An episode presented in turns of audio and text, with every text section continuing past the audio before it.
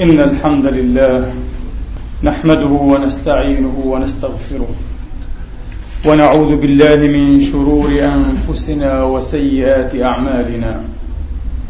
من يهده الله فلا مضل له ومن يضلل فلا هادي له.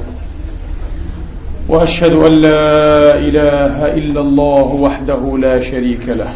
وأشهد أن سيدنا ونبينا وحبيبنا محمدا عبد الله ورسوله وصفوته من خلقه وأمينه على وحيه ونجيبه من عباده. صلى الله تعالى عليه وعلى آله الطيبين الطاهرين وصحابته المباركين المجاهدين وأتباعهم بإحسان إلى يوم الدين وسلم تسليما كثيرا. عباد الله أوصيكم ونفسي الخاطئة بتقوى الله العظيم ولزوم طاعته. كما أحذركم وأحذر نفسي من عصيانه ومخالفة أمره. لقوله سبحانه وتعالى من قائل من عمل صالحا فلنفسه ومن أساء فعليها وما ربك بظلام للعبيد. ثم أما بعد أيها الإخوة المسلمون الأفاضل أيتها الأخوات المسلمات الفاضلات يقول المولى الجليل سبحانه وتعالى في كتابه العزيز بعد أن أعوذ بالله من الشيطان الرجيم. بسم الله الرحمن الرحيم. الذين استجابوا لله والرسول من بعد ما أصابهم القرح. من بعد ما أصابهم القرح للذين أحسنوا منهم واتقوا أجر عظيم. الذين قال لهم الناس إن الناس قد جمعوا لكم فاخشوهم فزادهم إيمانا وقالوا حسبنا الله ونعم الوكيل فانقلبوا بنعمة من الله وفضل لم يمسسهم سوء واتبعوا رضوان الله والله ذو فضل عظيم.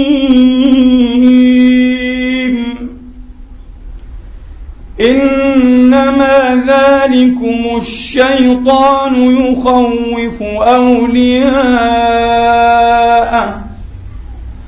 يخوف أولياءه فلا تخافوهم فلا تخافوهم وخافون إن كنتم مؤمنين. صدق الله العظيم. وبلغ رسوله الكريم ونحن على ذلك من الشاهدين. اللهم اجعلنا من شهداء الحق القائمين بالقسط. آمين. اللهم آمين. الذين قال لهم الناس إن الناس قد جمعوا لكم فاخشوهم فزادهم إيمانا وقالوا حسبنا الله ونعم الوكيل. روى الإمام البخاري رضي الله عنه في صحيحه. عن ابن عباس رضي الله عنهما قال حسبنا الله ونعم الوكيل. قالها إبراهيم عليه الصلاة وأفضل السلام حين ألقي في النار. حسبنا الله ونعم الوكيل. قالها محمد صلى الله عليه وآله وأصحابه وسلم حين قالوا له إن الناس قد جمعوا لكم فاخشوهم فزادهم إيمانا وقالوا حسبنا الله ونعم الوكيل. أي كافينا الله وهو نعم الوكيل سبحانه وتعالى. نعم الوكيل ونعم من فوض إليه الأمر كله. وأفوض أمري إلى الله. إن الله بصير بالعباد. أيها الإخوة الأفاضل أيتها الأخوات الكريمات. كان نقش خاتم الإمام مالك ابن أنس رضي الله تعالى عنه وأرضاه. إمام دار الهجرة. كان نقش خاتمه حسبي الله ونعم الوكيل أو حسبنا الله ونعم الوكيل. وسئل رضي الله عنه عن سر هذا الاختيار فقال لأن الله تبارك وتعالى بعقبها يقول فانقلبوا بنعمة من الله وفضل لم يمسسهم سوء واتبعوا رضوان الله. والله ذو فضل عظيم. حسبنا الله ونعم الوكيل. الوكيل من الوكالة. الوكيل من الوكالة. إذا وكلت أمرك أو وكلت أمرا من الأمور إلى شخص ما فهو وكيلك. وأنت الموكل. وعادة ما يوكل المرء امرأ أمينا موثوقا دينا صينا. لا تخشى عواقب الوكالة إليه إذا أراد المرء أيها الإخوة أن يجعل وكالة أمر من أموره أو يفوض بعض أمره أو يجعل ثقته في امرئ فما هي الخصال والنعود التي ينبغي أن تتوافر في هذا المرء؟ أو بطريقة أخرى بطريقة أخرى ومن سبيل أخرى لما يختار أحدنا أن يجعل ثقته في بعض الخلق دون بعض؟ أحيانا أيها الإخوة نجعل الثقة بل في كل حين إنما نجعل ثقتنا على قدر حاجتنا على قدر حاجتنا. من كان مهددا مستضعفا مذعرا فإنه إنما يجعل ثقته في رجل له جاه وسلطان له جاه وسلطان. ومن كان معوزا فقيرا محتاجا فإنما يجعل ثقته وتوجهه وتفويضه إلى إنسان ذي مال إلى صاحب مال متمول ثري مليء كما يقال. وهكذا في سائر الأمر. والآن لو سألنا أنفسنا هل أحد أحق من الله تبارك وتعالى بأن نجعل ثقتنا كل ثقتنا توكلنا كل توكلنا تفويضنا وتسليمنا كل تفويضنا وتسليمنا إليه وبه وفيه لا إله إلا هو؟ وهو القائل وتوكل على الحي الذي لا يموت. من وكل أيها الإخوة أو توكل على أحد من الخلق يبقى دائما مهددا بأن يسلب هذا الإنسان أو هذا المرء سلطانه. وإن لم يسلب سلطانه فقد يسلب بآخر ماذا؟ حياته. يموت. لا يبقى. لكن إذا وكلت أمرك إلى الحي الذي لا يموت هل تخشى الضيعة؟ هل تخشى الفقر؟ هل تخشى الضيم؟ هل تخشى أن ينتقض العهد والعقد مع هذا الوكيل لا إله إلا هو؟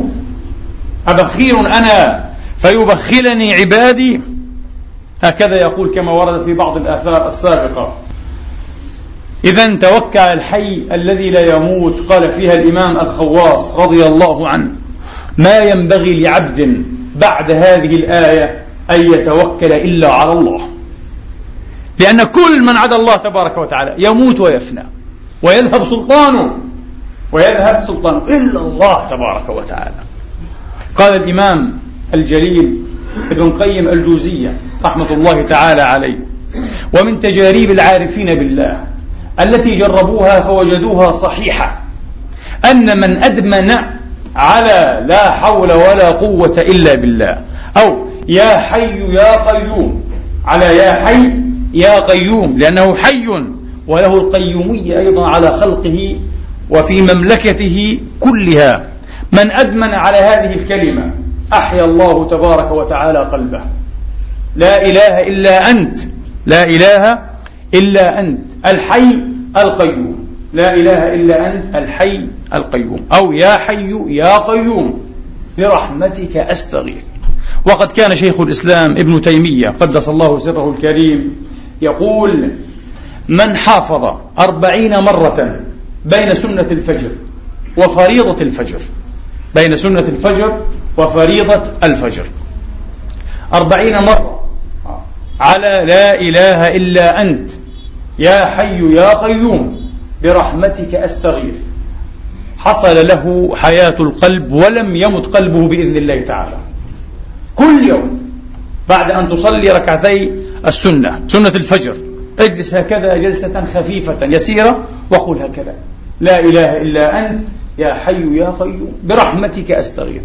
أربعين مرة. قال شيخ الإسلام تحصل لك بإذن الله تبارك وتعالى حياة القلب. أيها الإخوة التوكل والثقة والتفويض والتسليم على وفي وبالله سبحانه وتعالى هي نصف الدين. إياك نعبد وإياك نستعين. نصف الدين عبادة ونصفه استعانة. فالتوكل هو الاستعانة. التوكل هو الاستعانة. ومن هنا قالوا التوكل نصف الدين. فاعبده وتوكل عليه. هي في معنى إياك نعبد وإياك نستعين. إياك نعبد وإياك نستعين. الإنابة أيها الإخوة أو العبادة. شيء. والاستعانة والتوكل. شيء آخر. هذا نصف وهذا نصف. لا يتم لك الدين إلا بالتحقق بحقيقة التوكل. والتوكل أيها الإخوة أوسع المقامات. ولا يزال النازلون يعمرونه. هذا المقام أيها الإخوة لا يختص به أولياء الله وحدهم أو الصالحون من هذه الأمة المرحومة بل حتى الفساق بل حتى بعض الكفار أيها الإخوة يتوكلون على الله ولا يتوكلون على سواه في بعض الموارد وبعض الأحوال حين يهمون والعياذ بالله بعظائم الأمور. فإن قلوبهم تنبعث تفويضا وتسليما والتجاء أو لجأ إلى الله يستمدونه يستعينون به حتى يدخلوا ويخرجوا من هذه البائقة والمصيبة سالمين ناجين وهو يعطيهم بعض ذلك في بعض الحال أو في بعض الأحوال. فهذا أوسع المقامات هذا أوسع المقامات. لكن له درجات كثيرة أيها الإخوة له درجات كثيرة وهو أكثر المقامات مقامات الإيمان أو المقامات الإيمانية تعلقا بأسماء الله الحسنى وصفاته. له ألوان تعلق بأسماء الأفعال وألوان تعلق بأسماء الصفات. لا شك أنه متعلق بأسماء الله الرحمن الرحيم العفو الغفور المعطي الكريم إلى آخر هذه الأسماء الجمالية. ولا شك أن له تعلقا بأسماء الله أو ببعض أسماء الله الجلالية المانع الخافض المذل سريع الحساب أو العقاب أيضا. وهكذا. إذا كان شأن الإنسان أن يتوكل على ربه في قمع أعداء دينه مثلا والنصر عليهم. فإنه يتوكل أيها الإخوة وناظره أو ناظر بصيرته إلى هذه الأسماء وأشكالها إلى هذه الأسماء وأشكالها. وكذا ندر أن نجد اسم فعل أو اسم وصف للرب الجليل. لا إله إلا هو وجل مجده إلا ولهذا المقام الجليل الكبير الخطير أيها الإخوة. ذي الشأن تعلق به. ومن هنا قال بعض العارفين التوكل على الله معرفة بالله. على قدر معرفتك بالله سبحانه وتعالى. وكيف نعرفه؟ عن طريق أسمائه وصفاته. عن طريق أسمائه وصفاته تبارك وتعالى. على قدر معرفتك بالله سبحانه وتعالى يزيد ويقر ويرسخ توكلك عليه سبحانه وتعالى. يزيد ويقر ويرسخ توكلك عليه. وروح التوكل أيها الإخوة روح التوكل هو التبري من الحول والقوة. أن تعلم أنه لا حول لك ولا قوة. ربما تسعى في صلاح نفسك فيتأدى بك ذلك إلى إلى إفسادها. ربما تسعى في مرمة عيشك فينتهي بك ذلك إلى مفقر والعياذ بالله. أنت لا تعرف خيرك من شرك. أنت لا تعرف خيرك من شرك. وقد روى أبو نعيم في الحلية بإسناد ضعيف جدا. قال عليه الصلاة والسلام إن العبد لا يشرف على حاجة له من حاجاته. فينظر الله تبارك وتعالى إليه. فيصرفها عنه يصرف هذه الحاجة لا يقضيها. فيصبح العبد يتطير يتشاءم يتنحس يتطير بجاره وابن عمه. من سبقني؟ من دهاني. يعني يقول من سبقني؟ من دهاني. يقول عليه الصلاة والسلام وما هي إلا رحمة رحمه الله بها. الله صرف عنه هذه الحاجة لأنها ليست إيه في مصلحته وليست خيرا له ويدعو الإنسان بالشر دعاءه بالخير وكان الإنسان عجولا. كان من جملة دعاء استخارته عليه الصلاة وأفضل السلام الدعاء الذي علمناه بطريق السنة الثابتة الصحيحة. اللهم إني أستخيرك بعلمك. اللهم إني أستخيرك بعلمك. أنت لا تعلم لكن هو يعلم. أليس كذلك؟ فعلمنا النبي هنا أن نفوض إليه وأن نتوكل عليه. أليس كذلك؟ قال فإنك إيه؟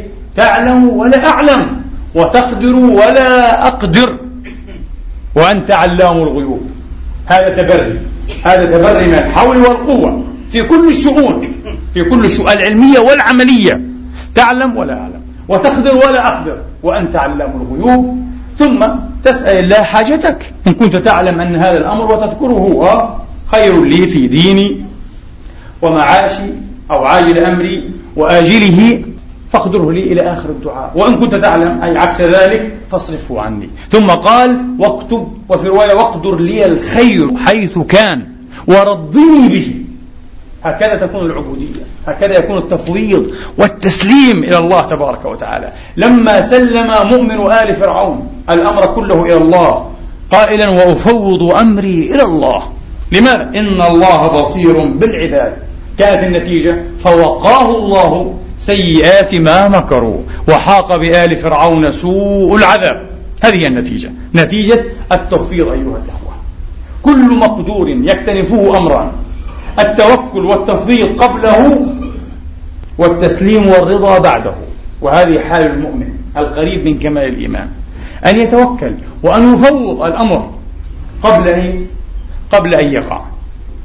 وبعد ذلك إذا وقع على أي حال وعلى أي هيئة يرضى يرضى إيه؟ بما قدر الله تبارك وتعالى له. فليس له ما يتخير فليس له هنا ما يتخير. هذا هو الإيمان.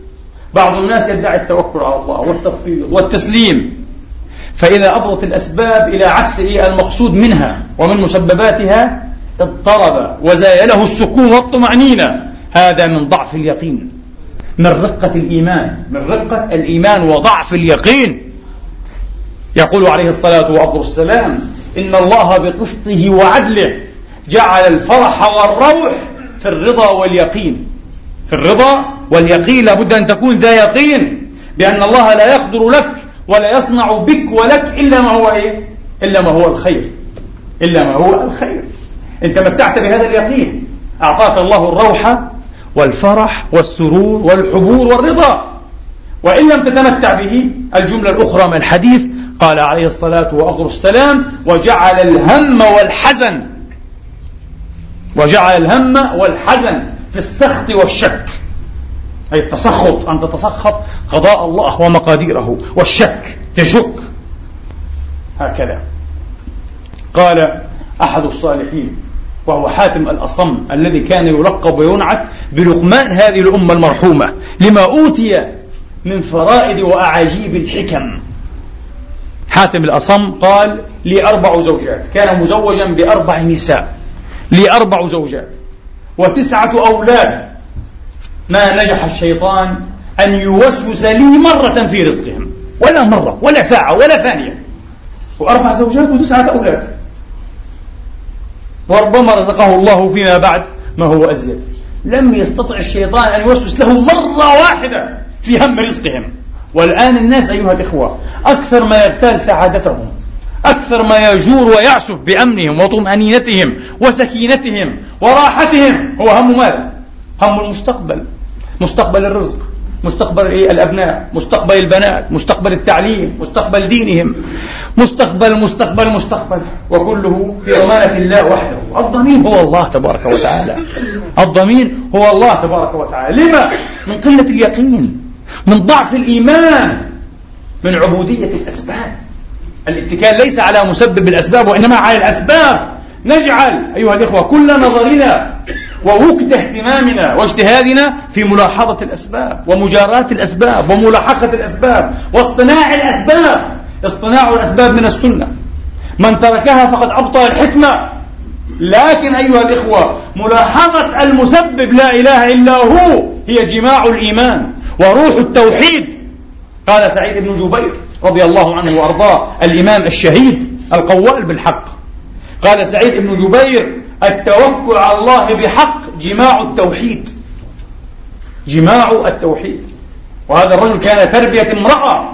أمه هي التي ربته على مثل هذا اليقين. يقول لدغتني حية يوما وكنت صغيرا فأقسمت على أمي لتأتين براق. وأما أمه فنسأل الله أن تكون من أولئكم السبعين ألفا الذين ورد نبأهم وبشراهم في حديث الشيخين من رواية ابن عباس. النبي عليه الصلاة والسلام أخبرنا أن الله تبارك وتعالى أكرمه وأعطاه سبعين ألفا من أمته يدخلون الجنة بغير حساب. من هم يا رسول الله؟ الذين لا يكتوون. لا يستخدمون إيش؟ النار. الذين لا يكتوون. ولا يتطيرون. ولا يسترقون. لا يطلبون الرقية. وأما لا يرقون ولا يسترقون فهذه لا يرقون مدرجة في الحديث. الثابت لا يسترقون. لكن إذا طلب منهم أن يرقوا غيرهم فإنهم يفعلون. فالصحيح أن هذه مدرجة مضافة في الحديث. لم تثبت عن رسول الله. لكن لا يسترقون لا يطلبون. إذا اعتلوا إذا برحت بهم الآلام إذا ابتلاهم الله بشيء من الأوجاع فإنهم يسيرون بأدوائهم ما صارت معهم. كما قال الإمام الأجل أبو الحسنين علي عليه السلام وكرم الله وجهه. سر بذلك ما سار معك توكلا على الله وثقة بالله وتسليما لله سبحانه وتعالى. لكن هؤلاء قلة أنذر أيها الإخوة. ما الكبريت الأحمر أو الغراب الأبقع؟ سبعون ألفا في أمة محمد. أمة تعد بالملايير. وهم سبعون ألفا فقط. لا يكتوون ولا يتطيرون ولا يسترقون. وعلى ربهم يتوكلون. لما اعتل الصديق رضوان الله تعالى عليه في مرضه الذي ترحل بسببه من هذه الدنيا. قيل له ألا ندعو لك الطبيب؟ قال الطبيب أمرضني. الله هو طبيبي وهو الذي قضى بهذا المرض فأنا أسلم له. لا. وفي رواية أنه قال قد دعوته. فقيل له فما قال؟ بما رجع إليك؟ قال قال لي إني فعال لما أريد. توكل على الرحمن في كل حاجة أردت. فإن الله يقضي ويقدر. إذا ما رام ذو العرش حاجة بعبد يصبها. وما للعبد تخيير. وما للعبد تخيير. هكذا. الله هو الذي يقضي ويقدر.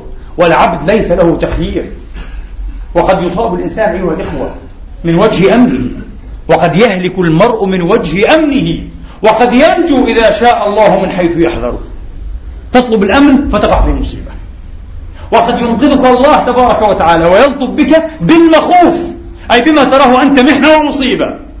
وينجو إذا شاء الله سبحانه وتعالى من حيث يحذر. هذه تعاجيب القدر تعاجيب القدر أيها الإخوة. هكذا. فالإنسان عليه أن يفوض الأمر كله إلى الله تبارك وتعالى. هؤلاء أيها الإخوة السبعون ألفا. الذين على ربهم يتوكلون. يبدو أن أم الإمام الجليل ابن جبير كانت منهم. فأقسم عليها إيه؟ لتأتين براق. قال فأتت به وأعطته يدي التي لم تلزم لا تريد أن تقع إيه؟ في مثل هذه المخالفة في نظرها مخالفة. لا تريد. وهكذا ربت هذا الإمام الجليل الذي علمنا أن التوكل على الله بحق هو جماع التوحيد. إنسان عين الإيمان. سويداء قلب أيها الإخوة التوحيد التوكل على الله نصف الدين أن نتوكل على الله تبارك وتعالى. وما لنا لا نتوكل على الله وقد هدانا سبلنا. أن تتوكل عليه في كل شيء حتى في هدايتك وفي تثبيتك في طريق الهداية والسبية تتوكل على الله تبارك وتعالى. وهو ينجيك ويعطيك ويثبتك ويمنحك ويعطيك دائما. يروى أن أن الخليفة أبا جعفر المنصور العباسي أرسل إلى الإمام أبي عبد الله جعفر الصادق عليه السلام ورضي الله عنه وأرضاه. الإمام العلم الجليل أرسل إليه وكان متغيظا عليه. ساعة ساع إلى المنصور بشيء كذب فيه على هذا الإمام الأجل. فأتاه رسول الخليفة وقال له يا إمام الخليفة أرسل في طلبك فهلم وهو متغيظ عليك أشد التغيظ. فقال لا حول ولا قوة إلا بالله. أمر الله. فانطلق الخليفة ولما أدخل عليه جعل يتمتم بكلمات لم تسمع. فلما رآه المنصور قام إليه واعتنقه وقبله وأجلسه إلى جانبه وكان متغيرا أشد التغير. ثم قال يا أبا عبد الله وقد ألان له القول بعد هذه الكرامة. يا أبا عبد الله ما هذا الذي بلغني عنك؟ قال يا أمير المؤمنين ادعو بالرجل. ادعو بهذا الواشي الساعي الكذاب ادعو بالرجل. فأتى الرجل. قال الرشيد أتشهد؟ قال أشهد. قال استحلفه يا أمير المؤمنين. قال أحلف. والله الذي لا إله إلا هو. قال ليس هو هكذا. ليس الحلف هكذا. قال رشيد لماذا؟ هو يحلف؟ قال لا. لأن الله شوف المعرفة بالله. رجل عارف بالله هذا. ابن رسول الله. لأن الله تبارك وتعالى إذا مجد وعظم في اليمين أمهل العبد في العقوبة. أنت تعظمه. تقول والله الذي لا إله إلا هو. وكاذبا. أيضا. أنت كاذب. تعظمه كاذبا هنا. في يمينك وليس في التعظيم. فإنه يمهلك. يعطيك. في أكثر الحيين. قال كيف أقول؟ قال قل إني بريء من الله. والله بريء مني. وخارج من حول الله وقوته. راجع إلى حولي وقوتي. أن قد حصل كذا وكذا. إذا كنت صادقا لن يصيبك شر. أنت الآن برئت من الله ومن حوله وقوته سبحانه وتعالى وتريد أن تدخل في حولك وقوتك ترجع إلى نفسك فقط. فإن كنت صادقا وعندك الثقة بنفسك فاحلف فحلف. يقول الراوي فوالله ما وقع إلا ميتا. في نفس اللحظة فذعر المنصور. دخله رعب وذع شديد. وقال يا أبا عبد الله انطلق على بركة الله لا نسألك بعدها. خاف خوفا شديدا. فعرض له أحد الناس من المتعلمين طلاب الهدى وقال له يا أبا عبد الله يا إمام ما الذي تمتمت به حين دخلت على المنصور؟ قال قلت اللهم بك أستفتح وبك أستنجح اللهم ذلل لي حزونته وكل حزونة وسهل لي صعوبته وكل صعوبة وآتني منه من الخير ما أرجو. واصرف عني من الشر منه ما أحذر فإنك تمحو ما تشاء وتثبت وعندك أم الكتاب. ولا حول ولا قوة إلا بالله. لا إله إلا الله. توكل تفويض تسليم إلى الله تبارك وتعالى. ولن ترى بإذن الله إلا الخير وإلا المنع وإلا الإحساب وإلا الكفاية وإلا التأييد. وإلا العطاء والسمح والجود. هكذا. لكن إن توكلنا على الله حق التوكل. من غير شك ليس توكل المختبرين الرائزين إنما توكل الموقنين القاطعين الراسخين في هذا المقام. ولو تدرجا ولو تدرجا روى الترمذي في جامعه عن عمر رضي الله عنهم وأرضاهم أجمعين. قال قال عليه الصلاة والسلام لو أنكم توكلون على الله حق توكله. أي تتوكلون. لرزقكم كما يرزق الطير. تغدو أي بالغدوة بالصباح خماصه. بطونها فارغة. وتروح أي بالعشي أو بالمساء بطانا الله يرزقك ويعطيك كل ما تطلب. وأنت إنما تصطنع الأسباب مراعاة للحكمة. ونظرك كله مع مسبب الأسباب. يقول عليه الصلاة والسلام ويروى موقوفا على ابن مسعود رضي الله عنهم وأرضاهم أجمعين إن من ضعف اليقين أن تسخط الله بإرضاء الناس. تتسبب في إسخاط الله عز وجل لكي ترضي عباد الله. من ضعف اليقين هذا من ضعف الإيمان. تقول إذا لم أقل هذا إذا لم أفعل هذا تضيع حاجتي. نعم لأن يقينك ضعيف. لا تضيع. لا تضيع. قل الحق. مر بالمعروف وانهى عن المنكر وراعي الله وحده. ولن يصيبك إلا ما كتب الله لك. وستكسب الإيمان والتوحيد. ستكسب الإيمان والتوحيد. روى ابن حبان في صحيحه ونحوه الإمام الحاكم في مستدركه على الصحيحين. قال عليه الصلاة وأفضل السلام لم يبق أمر من أمور الخير مما يقربكم إلى الجنة ويبعدكم عن النار إلا دللتكم عليه. هذه زيادة عند ابن حبان لم يروها الحاكم. ثم اشترك في البقية. وإن روح القدس نفث في روعي أي في قلبي الروح هو القلب والروع هو الخوف وإن روح القدس نفث في روعي أنه أنه لن تموت نفس حتى تستكمل عند الحاكم أجلها ورزقها. وعند ابن حبان حتى تستكمل رزقها وإن أبطأ عنها.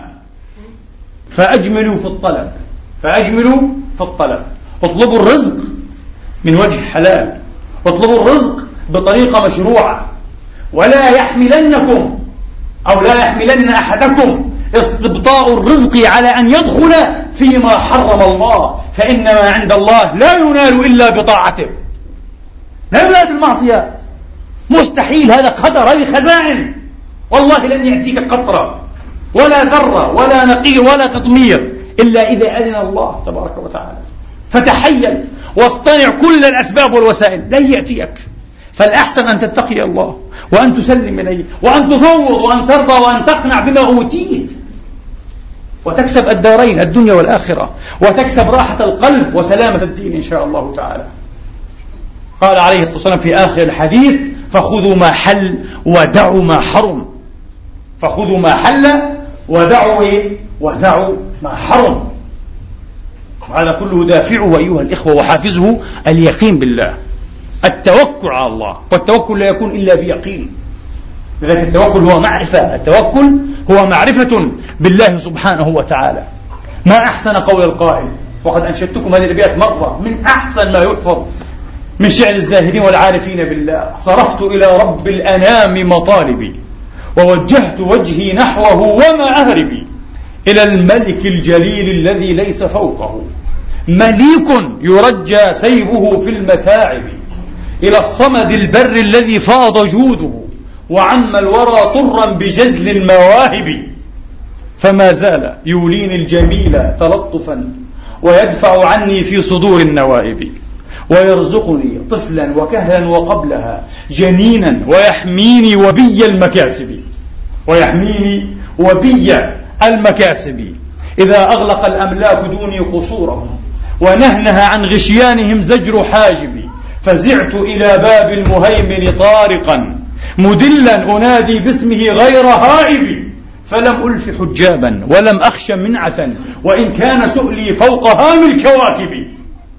كريم يلبي عبده كلما دعا نهارا وليلا بالدجى والغياهب. سأسأله ما شئت إن يمينه تسح دفاقا باللهى والرغائب.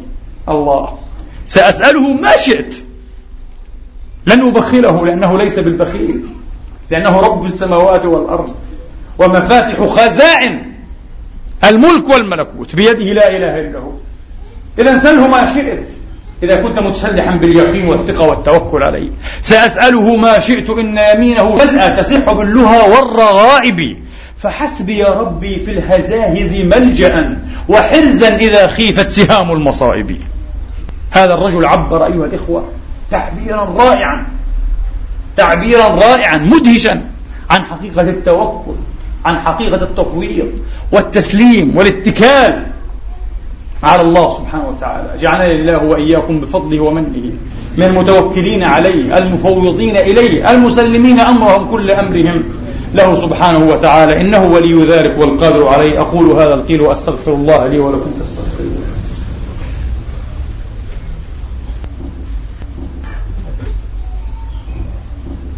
الحمد لله رب العالمين. الحمد لله. له الحمد الحسن والثناء الجميل. يقول الحق وهو يهدي السبيل. يقبل التوبة عن عباده ويعفو عن السيئات ويعلم ما تفعلون. ويستجيب الذين آمنوا وعملوا الصالحات ويزيدهم من فضله. والكافرون لهم عذاب شديد. وأشهد أن لا إله إلا الله وحده لا شريك له. وأشهد أن سيدنا محمدا عبده ورسوله صلى الله تعالى عليه وعلى آله وأصحابه وأتباعه وسلم تسليما كثيرا. أما بعد أيها الإخوة والأخوات روى الإمام الجليل أبو القاسم ابن عساكر في تاريخ دمشق والإمام الحافظ ابن كثير في تفسيره. عن أبي بكر الدينوري المعروف بالصوفي الدقي رحمة الله عليه عن رجل كان يعمل مكاريا قال كنت أكاري على بغل لي أكرمكم الله بين دمشق وبلدة الزبداني فجاء رجل ذات يوم وقال لي أريد المكان الفلاني فوضعت الحمل على البغل وانطلقنا. على العرض وانطلقنا. حتى أفضى بنا الطريق الرئيس إلى طريق غير مسلوكة. فقال خذ بنا من هنا. فقلت إنها غير مسلوكة ولا أعرفها. وقال هذه أقصر. قال فأخذت. فانتهت بنا هذه الطريق الوعرة إلى واد عميق وفيه قتلى كثيرون. جماجم وعظام شيء مخيف. فقال لي أمسك الحبل حتى أنزل. فنزل عن البغي. واستل سكينا طويلة عظيمة وقال هيا قلت كيف؟ قال ما أريد إلا قتلك. قلت يا رجل اتق الله. وخوفته الله والعقوبة وذكرته بالدار الآخرة. فقال ما أريد إلا قتلك. قلت البغل بما عليه لك. قال ما أريد إلا نفسك. قال فاستسلمت بين يدي. هذا يجري وهذا يطارده حتى انقطع نفسه. قال فاستسلمت. وقلت له هل تنظرني حتى أصلي ركعتين؟ قال بسرعة. قال أقبلت على الله تبارك وتعالى فأرتج القرآن علي ولم أستحضر شيئا منه ولا حتى الفاتحة المسكين من شدة الخوف والرهبة لم يستحضر شيئا ضاع القرآن كله منه. نسأل الله هذا خوف سكين أيها الإخوة. كيف؟ بالخوف الذي يدهم المرء ويحل بساحته إذا نزل به الموت. ليست المسألة مسألة شطارة أو قوة قلب آه أو يقظة عقل لا. مسألة تثبيت من لدن الله تبارك وتعالى. يثبت الله الذين آمنوا. اللهم اجعلنا منهم. يا رب العالمين. بأسمائك وصفاتك نسألك ونبتليك ونضرع بالقول الثابت في الحياة الدنيا وفي الآخرة. ويضل الله الظالمين ويفعل الله ما يشاء. تثبيت. النبي كان يقول وأعوذ بك أن يتخبطني الشيطان عند الموت. هذا من خوف.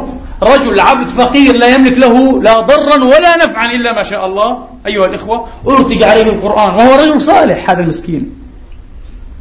فنسأل الله التثبيت. آه، في الدنيا والآخرة. قال وهو يقول لي هيا افرق هيا افرق يقول أن يذبح المجرم. قال فأجرى الله على قلبي ولساني أما يجيب المضطر إذا دعاه ويكشف السوء. قال فجعلت أردد هذه الآية. أما يجيب المضطر إذا دعاه ويكشف السوء. قال فإذا بفارس من فم الوادي أقبل وبيده حربة أقبل مسعى على فرسه. فارس ليس راجلا. قال وأرسلها فما أخطأت فؤاد هذا الرجل المسرف الظالم. ما أخطأت فؤاده. خر صريعا لليدين والفم قال ثم أقبل فارس فسألته بالله من أنت؟ وما شأنك؟ قال أنا رسول الذي يجيب المضطر إذا دعاه ويكشف السوء. ملك. لا إله إلا رآه الرجل.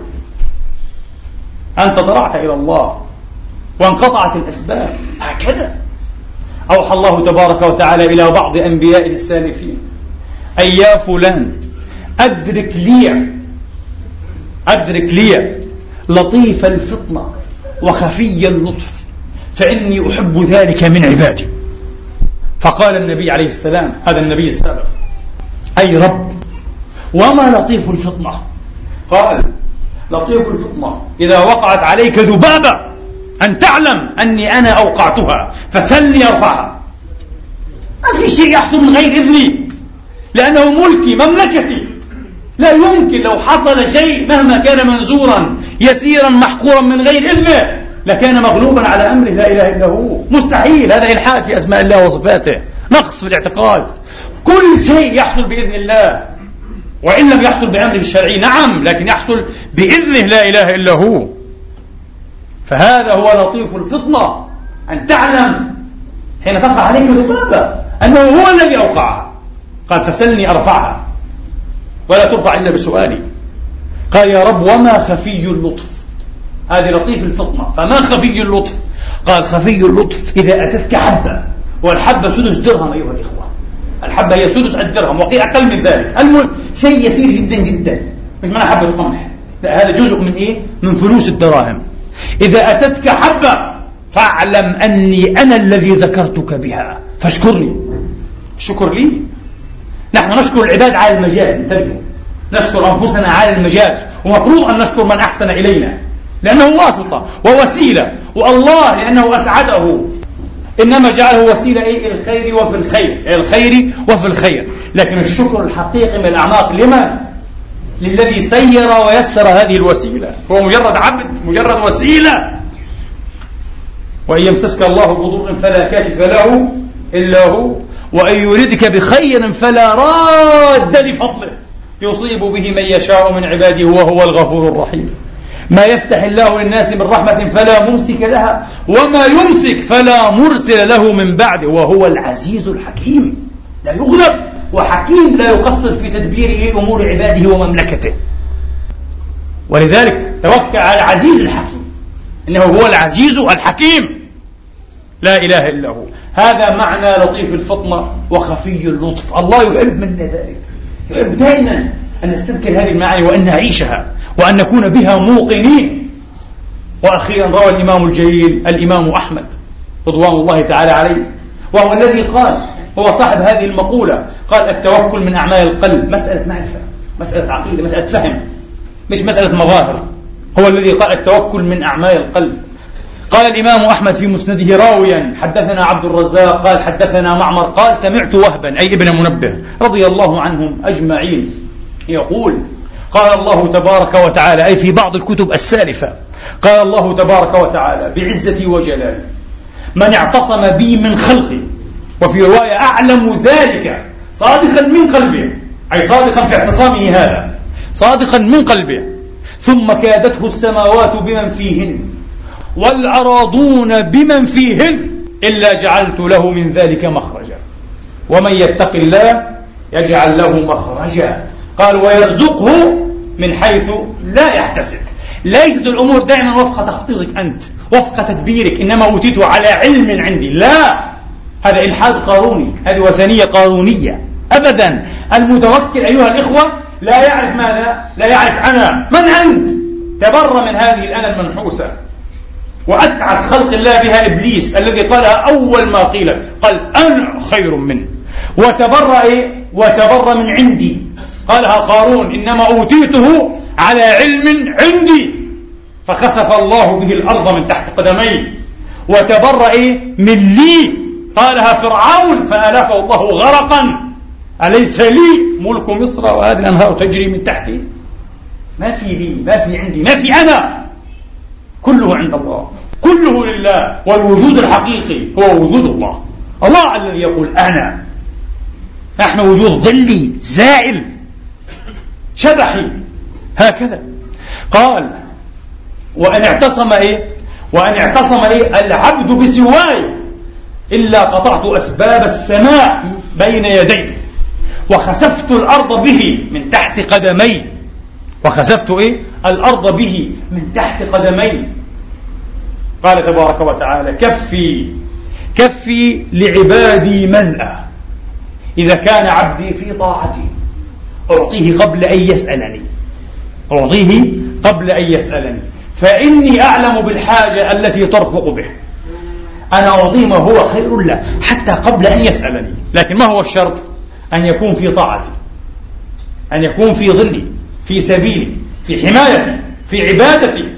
يا ابن آدم تفرغ لعبادتي أملأ صدرك غنى وأسد فقرك.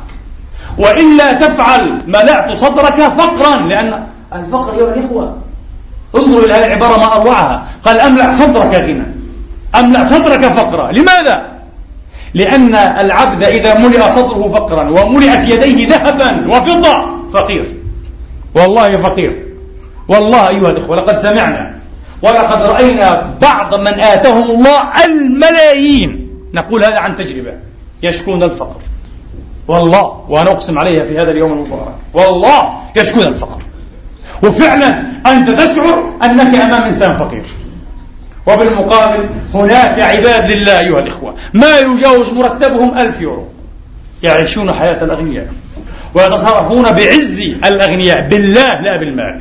عز وكرامة وثقة واحترام للنفس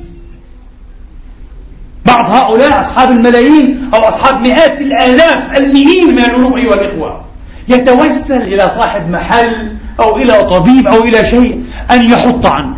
حط عني خمسين في المئة ستين في المئة سبعين في المئة. أرجوك أنا محتاج. وأين مئات الآلاف يا فقير؟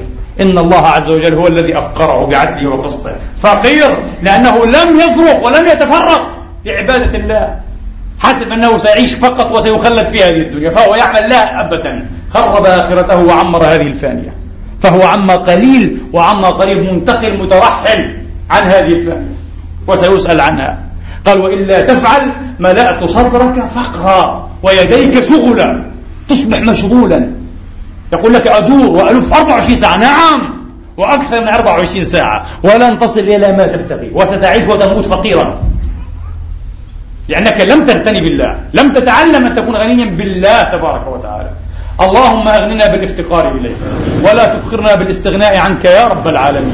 ألهمنا رشدنا وأعذنا من شر نفوسنا. اجعلنا نخشاك حتى كأننا نراك وأسعدنا بتقواك ولا تشقنا بمعصيتك وخر لنا في قضائك وبارك لنا في قدرتك حتى لا نحب تأخير ما عجلت ولا تعجيل ما أخرت. واجعل غنانا في أنفسنا ومتعنا بأسماعنا وأبصارنا وقواتنا ما أحييتنا. واجعلها الوارث منا واجعل ثأرنا على من ظلمنا. اللهم إنا نسألك وندعوك ونبتهل إليك ونضرع أن تنصر الإسلام وأن تعز المسلمين. اللهم من أراد بالإسلام وبالمسلمين خيرا فكله خير نصير ومعين. ومن أراد بالإسلام والمسلمين شرا فخذه أخذ عزيز مقتدر. فإنه لا يعجزك يا رب العالمين. اللهم أدر على أعدائنا أعدائك أعداء الدين دائرة السوء. اللهم أرنا فيهم تعجيب قدرتك. اللهم اجعل تدميرهم تدبيرهم يا رب العالمين. وارنا فيهم يوما أسود قريبا كأيام الهالكين المتصرمين. إنك ولي ذلك والقادر عليه. يا قوي يا عزيز يا جبار يا قهار يا رب العالمين. عباد الله إن الله يأمر بالعدل والإحسان وإيتاء ذي القربى وينهى عن الفحشاء والمنكر والبغي. يعظكم لعلكم تذكرون. فستذكرون ما أقول لكم وافوض أمري إلى الله. إن الله بصير بالعباد. قوموا إلى صلاتكم يرحمني ويرحمكم.